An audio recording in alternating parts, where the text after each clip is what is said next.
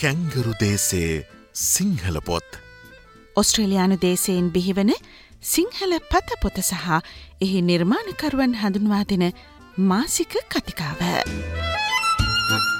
Kangaroo දේසේ Sinhala පොත් කැකරු දේශේ සිංහල පොත්. ඉතින් මේ දෙදහස් විසිහතර නව වර්ෂයේදී තවත් අලුත් ඔස්ට්‍රේලියාවෙන් බිහිවුණු ග්‍රන්ථයක් පිළිබඳව කතාබහ කරන්න අපි හමුවෙනවා කැංගරු දේශය සිංහල පොත් අපේ විශේෂාන්ගේෙන්. අද අපේ නැවතුම මෙල්බන් වලින් බිහිවුණු කෙටි කතා සංග්‍රහයක් අභියස. අලුත් අවුරුද්දේ හාහපුරා කියලා මේ ජනවාරි මාසේම ජනතා දෝතට පත් කරන්නට මේ කෙටිකතා සංග්‍රහයයි ලේඛිකාව සමත් වනා ඇය හෙල්මලී ගුණතිලක. හෙල්මලීගේ මීට කලින් කෙටිකතා සංග්‍රහය ඇගේ පළමු කෙටිකතා සංග්‍රහය සහස් පියවර පිළිබඳව අපි මීට කලින් වසරකදී සාකච්ඡාවට බඳුන් කළා මේ ඇගේ දෙවන කෙටිකතා සංග්‍රහය සුළු ප්‍රාතිහාරය දෙපාර්තමේන්තුව. ටිකක් අමුතුනාවක් එවගේම හෙල්මලීගේ මේට අන්තර්ගත වන කතා පිළිබඳව ගත්තාමත් අපූරුවත්වයක් දනවන පුංචි කෙටිකතා පොතක්. හෙල්මලීගේ මේ පුංචි කෙටිකතා සංග්‍රහය උත්සවාකාරයෙන් දොරට වැඩුණු මාසේදීම එක ඇන මේ ජනවාරි මාසේදීම අපි හෙමනම් කැංගරු දේශේ සිංහල පොත් අපේ වැඩසටහනට එකතු කරගන්නවා ඇගේ මේ පුංචි කෙටිකතා සංග්‍රහයත් මේ ඇගේ දෙවන ලේඛන උත්සාහය පිළිබඳවත් කතා බහ කරන්න. හෙල්මලි ඔබ බොහොම සාදරයෙන් පිළිගන්න අපේ වැඩසටහනට ආයිබෝවන් කියලා. අයිබෝන්දී රුක්ෂී හොඳයි දැන් මේ සුළු ප්‍රාතිහාර දෙපාර්තමේන්ත ඔබගේ දෙවන කෙටිකතා සංග්‍රහය සඳහා මූලික ආරම්භය ඇති වෙන්නේ කොහොමද කියලත් අපි මුලින්ම ටිකක් කතා බහ කරලා ඉඳිමු. ඇත්තටම මගේ පළවෙනි කෙටි කතා පොත පළ කරලා දැන් අවුරුදු පහක් වෙනවා ඒ පළවෙනි කෙටි කතා පොත සහස් පියවර කෙටිම කෙටි කතා කියන පොත 2019 දී තමයි මම ප්‍රකාශයට පත් කළේ. පහුණු අවුරුදු පහ ඇතුළතත් මම නිරන්තරයෙන්ම ලේඛනයේ නිරත වුණා. ඒ වුණාට ලංකාවේ මුද්‍රණ අර්බුද විවිධ ගැටලු තිබුණ නිසා කෙටි කතා පොතක් ප්‍රකාශනයට යොමු වුණේ නැහැ. පහුගිය අවුරුදු 2023 ජූලි මාසෙදී ප්‍රෝග්‍රස් සහ විදර්ශන ප්‍රකාශන අධිපති ජනක හිමංකඩ මහතා සමග ඇතුණු කෙටි කතා බහකදී ඔහු එකඟ වුණා මගේ කෙටි කතා එකතුවක් ප්‍රකාශයට පත් කරන්න. ඉන් පස්සේ තමයි සුළු ප්‍රාතිහාර දෙපාර්තමේන්තුව පොත ඉතාම කෙටි කාලයක් ඇතුළතදී මාස දෙකක් වගේ ඇතුළතදී ඔවුන් ප්‍රකාශයට පත් කළා. බොහොම උසස් සීමාවකින් කාර්යක්ෂමව ඒ කටයුත්ත කළ ජනක හිමංකඩ මහතාට මම මේ අවස්ථාවේදී ස්තුතිවන්ත වෙන්න කැමතියි. එහෙම තමයි දෙවෙනි කෙටිකතා පොත පළ කිරීමට යෙදුනේ. ඔව් දැන් මේ කෙටිකතා සංග්‍රහය කෙටිකතා 14ක් ඇතුළත් වෙනවා. මේ කෙටිකතා 14 සඳහා වන විවිධ කතා සංකල්ප ඔබ හොයා ගැනීමේදී සැලකිලිමත් වුණු දේවල් මොනවාද? ඔව් දිරුක්ෂි ඇත්තටම මේ කෙටිකතා 14 එකිනෙකට හාත්පසින්ම වෙනස් කියලා කියන්න පුළුවන්. සොයා ගැනීමේදී කියන එක මෙහෙම මම කියන්න කැමතියි. කෙටි කතාවකට හරි ඕනම නිර්මාණයකට නිර්මාණකරුවෙකුට අවශ්‍ය අනුභූතීන් නිරන්තරයෙන්ම ඒගොල්ලන්ට දැකලා අහලා හිත ඇතුලේ තැන්පත් වෙනවා. ඉතින් ඒගොල්ලන්ගේ හිත ඇතුලේ කොහෙන් හරි තැන්පත් වෙච්ච දේවල් ඇසුරෙන් තමයි නිර්මාණ කරන්නේ සිදුවන්නේ කියන එක තමයි මම මෙතනදී කියන්න කැමති. මොකද දැන් සමහර අනුභූතීන් මෙතන තියෙනවා මම විශ්වවිද්‍යාලය යන කාලේ දැකපු හපු දේවල් ඇසුරෙන් ලියපු කතා. සමහර දේවල් හිතේ පැලවෙලා කාලාන්තරයක් ගත වෙලා තමයි කතාවක් හැටියට එළියට එන්නේ.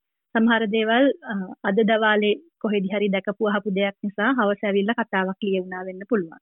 ඒ හින්දා මම හිතන්නේ අනුභූතීන් නිරන්තරයෙන්ම නිර්මාණකරුවෙක්ගේ හිත ඇතුලේ තැම්පත් වෙනවා. ඒවා ඇසුරින් විවිධ අවස්ථාවල තමයි කතා බිහි වෙන්නේ. මේකත් ඒ වගේ උදාහරණයක් තමයි. ඔව් දැන් අපි දන්නා ඔබත් කිව්වා වගේ මේ කෙටි කතා 14 තුලම විවිධ ස්වරූපයේ වස්තු බීජ ඇතුළත් වන කතා තමයි තියෙන්නේ. මේ විදිහට විවිධ ශෛලියේ වස්තු බීජ කෙටියෙන් කෙටි කතා ශානරයට ඇතුළත් කළා ගොඩනැංවීමේදී කතාව ගොඩනැංවීමේදී ඔබ වඩාත් සැලකිලිමත් වුණේ මොන වගේ කරුණු ගැනද හෙල්මලේ? ඔව් දිලුක්ෂි. ඇත්තටම වස්තු බීජය කොයිතරම් සංකීර්ණ වුණත් කෙටි කතාවකදී අපිට ලැබෙන්නේ බොහොම පොඩි පරාසයක්. ඒක ඇතුලේ පාඨකයව අතරමං කරන්න බෑ. ඉතින් ඒ කියන්නේ කෙටි කතාව කියවල ඉවර වුණාම මොකක් ගැනද ඒ කියලා තිබුණේ මොකක්ද ඒ අදහස් කළේ කියලා පාඨකයාට හිතෙනවා නම් ඒ කෙටි කතාව අසාර්ථකයි. මං හැමතිස්සෙම උත්සාහ කරනවා මගේ කෙටි කතා ඇතුලේ පාඨකයව අතරමං නොකරන්න. දැන් උදාහරණයක් හැටියට ගත්තොත් ගිනි පුලිඟු කියන කෙටි කතාව ඒක ලියවිලා තියෙන්නේ මරාගෙන මැරෙන බෝම්මකරුවෙකුගේ ප්‍රේම කතාවක් සම්බන්ධයෙන්. ඉතින් ඇත්තටම මේක බොහොම පුළුල් අනුභූතියක් පුළුල් මාතෘකාවක්. ඒකේ සම්පූර්ණයෙන්ම අපිට ස්පර්ශ කරන්න බෑ කෙටි කතාවක් ඇතුළතදී. ඉතින් බොහෝ වෙලාවට මම කරන්නේ කතාවට අදාළ මූලික කරුණු ටික ඍජුව හරි ව්‍යංගයෙන් හරි කතාවට ඇතුළත් කරලා පාඨකයාට ලබා දීලා අන්තිමේදී කියවපු කෙනා අතරමං නොවීම තමයි මම ප්‍රධාන වශයෙන්ම අරමුණු කරගන්නේ. හොඳයි හෙල්මලී මෙහිදී උදාහරණ විදිහට අරගත්ත ගිනි පුළිඟු කියන ඒ කෙටි කතාවේ පුංචි කොටසක් අප ඉදිරිපත් කරන්නට සූදානම් දැන්. මේ සුළු ප්‍රාතිහාර්ය දෙපාර්තමේන්තුව කෙටිකතා සංග්‍රහයේ කොටස් ඉදිරිපත් කරන්නට අද අපිත් එක තවත් අලුත් තැනැතියක් සම්බන්ධ වෙනම්. ඇත් ශ්‍රී ලංකාවේ ග්‍රන්ථ කිහිපයක්ම මේ වෙනකොට රචනා කරලා තියෙන තැනැත්තියක් ඇය පූජනී ගුණසේකර. එහෙමනම් පූජනී තමයි අද අපේ වැඩසටහනේ මේ ග්‍රන්ථය කොටස් ඉදිරිපත් කන තැනැත්තේ විදිහට අපිත් එක් එකතු වෙන්නේ.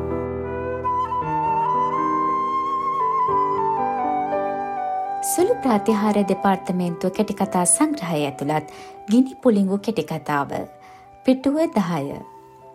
ආයාසෙන් මවාගත් සෙනාවකින් ඔහු ජනනි වෙත හැරුණි.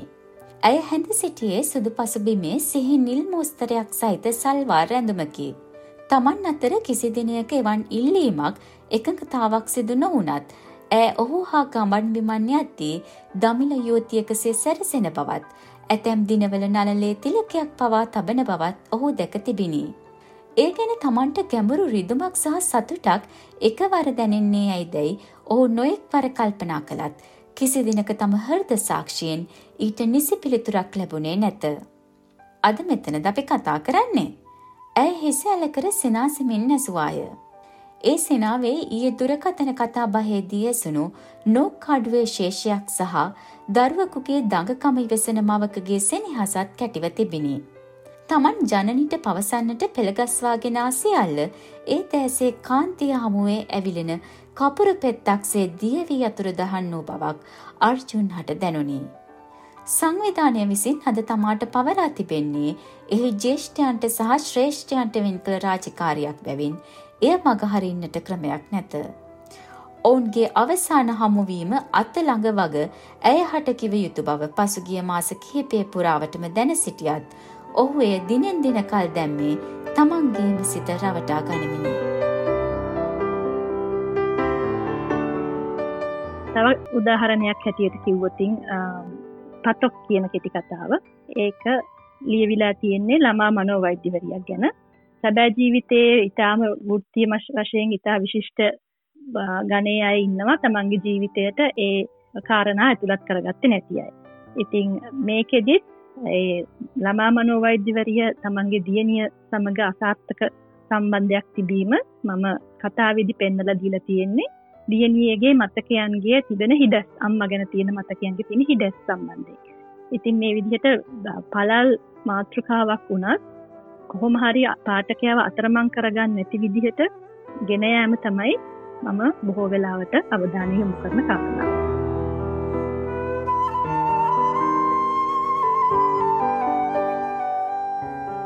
සුළු ප්‍රාතිහාරය දෙපාර්තමේන්තුව කෙටිකතා සංග්‍රහය ඇතුළත් පතොක් කෙටිකතාව පිටුව විසිහය සහ විසිහත. අම්ම ඉස්සර කැමැත්තෙන් කළේ මල් පැලවලට සාත්තුවත් ඉඳහිට කළ ඉවිල්ලත් විතරම බව නිම්නට මතක් වුණේ පෙට්ටිවලින් පිඟන් කෝප්ප එලියට ගනිමින් ඒව තැන් තැන්වල තියද්දි. ඒ කාලෙ ගෙදර උයන රාජකාරියට රාණියම්ම හිටියත් විවේකයක් තිබුණු දාට එක එක්කෙනාට කෑමට එන්න කියන්න ඒ අය වෙනුවෙන් කෑම වට්ටෝරු පොත් බලාගෙන කෑම ජාති හදන්න ඒ කෑමවලට අමුත්තන්ගෙන් ප්‍රශංසා ලබන්න අම්මාස කළා. මේ විදිහට නිතරම ආවේ අම්මගේ යාළුව මිසක් තාත්තගේ යාළුව නම් නෙමෙයි. අම්ම එක්ක එකට වැඩ කළ දොස්තර යාළුවෝ අම්ම එක්ක වෛද්‍ය විද්‍යාලයේ හිටිය පරණ මිතුරියෝ මේ විදිහට නිතර ආවා ගියා. ඒ අය එන දවසට කෑම වෙලාවට විතරක් පෙනී ඉඳලා ආයෙත් අතුරු දහන්න වෙන්න තාත්තා අම්ම එක්ක වචන නැති ගිවිසුමකට එළිමිලා තිබුණු බවක් පෙනුණා. පුංචිම කාලෙදි නිම්නමේ සාදවලදී අම්මා ළඟ දැවටමින් ඉන්න උත්සාහ කළත් වැඩි කල නොගිහින් එයා ඒ වෙනුවට තාත්තගේ පොත් පිරුණු කන්තෝරු කාමරය තෝරගත්තා. සාදයේ සෙනග පිරිවරාගෙන ඉන්න අම්මා ළඟදි දැනෙන පාළුව තනියම පොතක් කියවමින් ඉන්න තාත්තා ළඟ නොදැනෙන බවත් නිම්නට බොහෝම ඉක්මනින් තේරුණා. ඉතින් වැඩිකල් නොගිරින් අම්මගේ මිතුරු සාදවලදී උස් හඬින් නැහුණේ. අපෝ ඒ දෙන්නට අඩ ගහල වැඩක් නෑ. තාත්තයි දුවයි පොත් දෙක කොළු ඔබාගෙන ඇති කියන අම්මගේ කටහඬ. මේ ඇරෙන්න රාජකාරි නොකළ හැම විවේක වෙලාවක්ම අම්ම ගත කළේ මිදුලේ මල් පැල අතරේ. රට පුරාම තැන් තැන්වලින් ගෙනා එක එක වර්ගවල මිල අධික මල් පැල ಜಾති වත්ත පුරාම හැම තැනම හිටවලා තිබුණා. මේ හැම පැලයකම එක විශේෂත්වයක් තිබුණා. කොයි තරම් ලස්සන මල් පිපෙන වර්ගයක් වුණත් ඒ හැම පැලයකම කටු තිබුණා.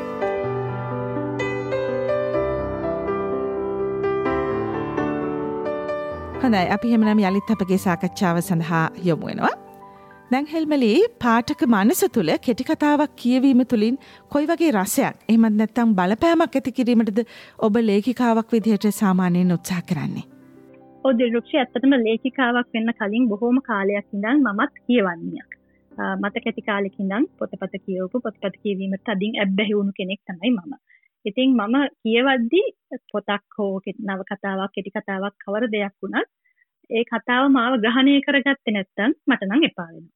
ඉතින් ඒ හින්දා නොදැනුවත්වම හරි මමත් මං හිතන්නේ ලිවීමේදී ඒක හැමතිස්සෙම හිතන දෙයක් තමයි පාඨකයාව මුලදිම ග්‍රහණය කර ගැනීම. වචන කියන්නේ බොහොම ප්‍රබල අවි බව ඒක අවිවාදිතයි. ඉතින් සමහර වෙලාවට වචන කීම එහෙම නැත්නම් නොකීම අඩුවෙන් කීම වගේ දේවල් වලින් පාඨකයාව ග්‍රහණය කරන්න පුළුවන්. මගේ කතා කියවපු සමහරු කියලා තියෙනවා සමහර කතා වලින් ඒගොල්ලෝ කම්පනයට පත් වුණා කියලා මං හිතන්නේ ඒ කම්පනයට පත්වීම රස විඳීම මේවා හැම දෙයක්ම ලියන්න බලාපොරොත්තු වන දේවල් කළු සුදු අකුරු ටිකකින් කෙනෙක්ගේ හිතක් හොල්ලන්න පුළුවන් නම් මං හිතන්නේ ඒක ලොකු ජයග්‍රහණයක්.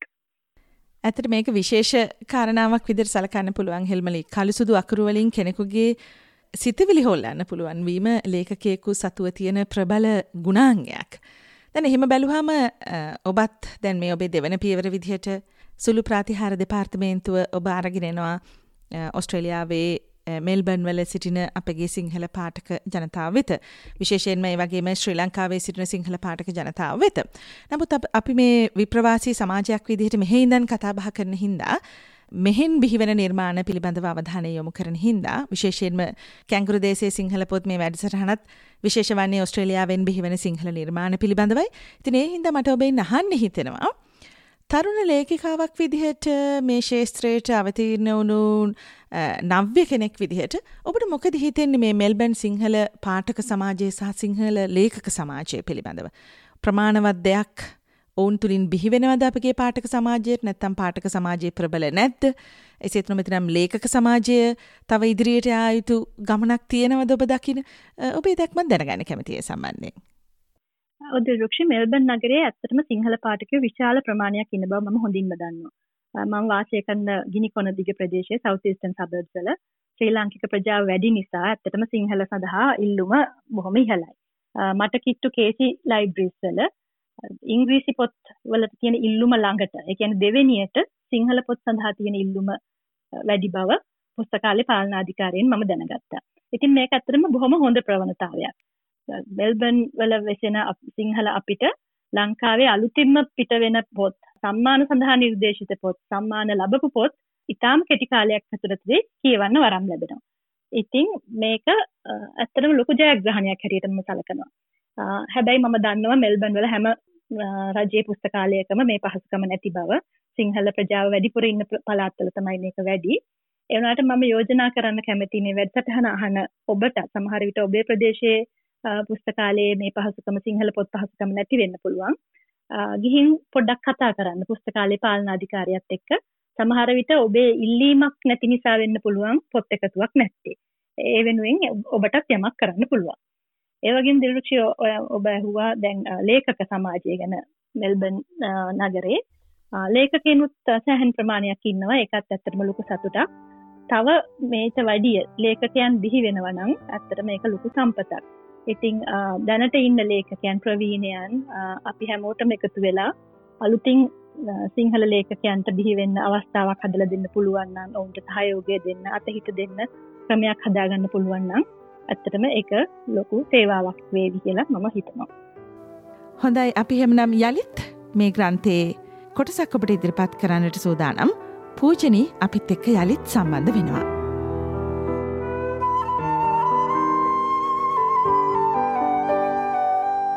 සුළු ප්‍රාතිහාරය දෙපාර්තමේන්තුව කෙටිකතා සංග්‍රහයන සන්ධයා කෙටිකතාව. පිටුව අනුහත සහ අනුවට. එදා උදේ වෑන් එක එද්දි සන්ධයා ස්පිරිතාල ඉස්සරහා එයාගේ සුපුරුදු තැන හිටිය නැහැ. සාමාන්‍යයෙන් නියමිත වෙලාවට නියමිත තැන නොහිටිය වෑන් සාමාජිකයන්ව දාලා යන්න ඩ්‍රයිවර් මල්ලිගේ නොසැලෙන ප්‍රතිපත්තියක් තිබුණා. ඒත් එදායා කිසිම කතාවක් නැතිව වාහනය හරවගෙන ඉස්පිරිතාල පිටිපස්ස පාරදිගේ හැටට හැටේ යන්න ගත්තා. මේ යන්නේ පරක්කුණ සන්ධ්‍යාව හොයාගෙන බව වෑන් එක අනෙත් උදවියට තේරෙන්න වැඩි වෙලාවක් ගියේ නැහැ. මෙහෙම පිම්මෙ ගිහින් වෑන් එක නැවතුනේ පාර අද්දරම තිබුණු ලෑලි ගෙදරක් ළඟ. එතැන් එක පෙළට ඒ වගේ ගෙවල් කීපයක්ම තිබුණා. වාහනේ නැවැත්තුව ගමන් කපිල වාහනේ නලාව නාද කරන්නවත් පමා නොවී විදුලි වේගයෙන් බැහැල ඒ ගේ ඇතුළට දිව්වා. ඒ එක්කම ඉරුණු ඇඳුම් කෑලි එල්ලගත්ත කෙල්ලො දෙන්නෙක් දොරකඩින් එබිල බලලා නොපෙනී ගියා. කපිල මල්ල ගිය වේගයෙන්ම ආයෙත් ඇවිත් වාහනේ පණගන්ව ගත්තේ වචනයක්වත් කතා නොකර. එදා සන්ධයක්ක වැඩටාවෙ නැහැ. ඊට පස්සෙත් දවස් කීපයක්ම ආවෙත් නැහැ. ඊළඟ සතියා වැඩට එද්දී කම්බුලක ඉදමුම් යන්තම් බැහැපු ලකුණක්.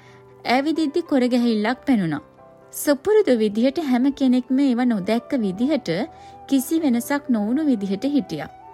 ඉන් පස්සේ සන්ධ්‍යා තුවාල කැලැල් එක්ක වැඩට එන දවස් වැඩි වුණා. සමහර දවස්වලට එයා ආවෙම නැහැ.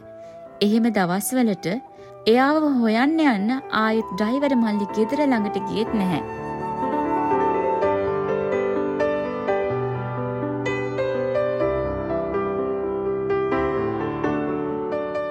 හොඳයි හෙල්මලි දැන් ඔබ සහස් පීවරෙන් ආරම්භ කලා කෙටිම කෙටි කතා සංග්‍රහයෙන් ඊට පස්සේ සුළු ප්‍රතිහාර දෙපාර්තමේන්තුවට ඔබ අවිතීරණ වුණා දැන් මේ කෙටිකතා ශානරයේම රැඳී සිටීම ඔබේ බලාපොරොත්තු ඔබ ප්‍රිය කරන්නේ? ඒ වපසරියේ සැරිසරන්නද? නැත්නම් එතනින් එහාට වෙනත් ශානරයක් කෙරෙහි අවධානය යොමු කරමින් ඉන්නවද? ඉදිරි පීවර ගැන යම් ඉඟියක් දැනගන්නත් කැමතියි. ඕදිරුක්ෂ ඇතරම මෙහෙම හිතල නෑ වෙන ශානරයකට යොමු වෙනවද නව කතාවක් ලියනවාද එහෙම කියලා. හැබැයි මම නිරන්තරයෙන්ම ලිවීමේ පරිවර්තනයේ යෙදෙන බව නම් සහතිකයි. මොකද ඒක මට විශාල සතුටක් ගෙන දෙන දෙයක්. ඒ වගේම මට මම මේ ලිවීමේ නිරත වීම නිසා මට විවිධ පැතිවලට විවිධ මංමාවත්වලට පිවිසෙන්න ආරාධනා ලැබිලා තියෙනවා එහෙම ආරාධනා ලැබිලා ලැබෙන්නේ මාව පෞද්ගලිකව දන්න අයගෙන් නෙමෙයි මම ලියපු දේවල් මම ලියපු දේවල් කියවලා ඒවා රස විඳපු අයගෙන් මෑත කාලයේත් මට ආරාධනාවක් ලැබුණා ළමයින් වෙනුවෙන් ලියවුණු චරිතාපදාන කතා පෙළක් පරිවර්තනය කරන ව්‍යාපෘතියකට සම්බන්ධ වෙන්න. ඉතින් ඒ වගේ අභියෝගවලට මම බොහොම කැමතියි. ඊළඟ මගේ ඊළඟ පියවර ඒක තමයි වෙන්න නියමිත. ඉතින් දිගටම ලිවීමේ කටයුත්තේ නිරත වෙනවා. විවිධ නිර්මාණ බිහිවේවි ඉස්සරහට. ඉතිං බොහොම හිමින් ලිවීමේ ගමනක නිරත වෙන තමයි මගේ බලාපොරොත්තුව. හොඳයි එහෙමනම් මෙල්බන් වලින් බිහිවුණු තවත් අලුත් පුංචි කෙටිකතා සංග්‍රහයක් පිළිබඳවයි අද අපේ අවධානය යොමුනේ සුළු ප්‍රාතිහාර දෙපාර්තමේන්තුව කෙටිකතා සංග්‍රහය ලේඛිකාව හෙල්මලී ගුණතිලක අපි ඔබට ස්තුතිවන්ත වෙනවා කැංගුරු දේශයේ සිංහල පොත් අපගේ මේ වැඩසටහනට එකතු වීම පිළිබඳව සුබ පැතුම් එකතු කරන ඔබගේ මේ ඉදිරි ලේඛන කර්තවයන් උදෙසාත්. ඒ වගේම අපි ස්තුතිය පළ කර සිටිනවා මේ ග්‍රන්ථය කොටස් ඉදිරිපත් කරන්න මෙවර අපිත් එක්ක සම්බන්ධ වුණු පූජනී ගුණසේකරටත්. එමනම් ඔස්ට්‍රේලියාවෙන් බිහිවුණු තවත් අලුත් ක්‍රන්තියක් පිළිබඳව කතාබා කරන්න අපි තවත් අලුත් මාසයකදී හමුුණු. කැංගරු දේසේ සිංහල පොත්. ඔස්ට්‍රේලයානු දේශයෙන් බිහිවන සිංහල පත පොත සහ එහි නිර්මාණකරුවන් හඳුන්වා දෙන මාසික කතිකාව. කැංගරු දේසේ සිංහල පොත්. කැංගරු දේසේ සිංහල පොත්.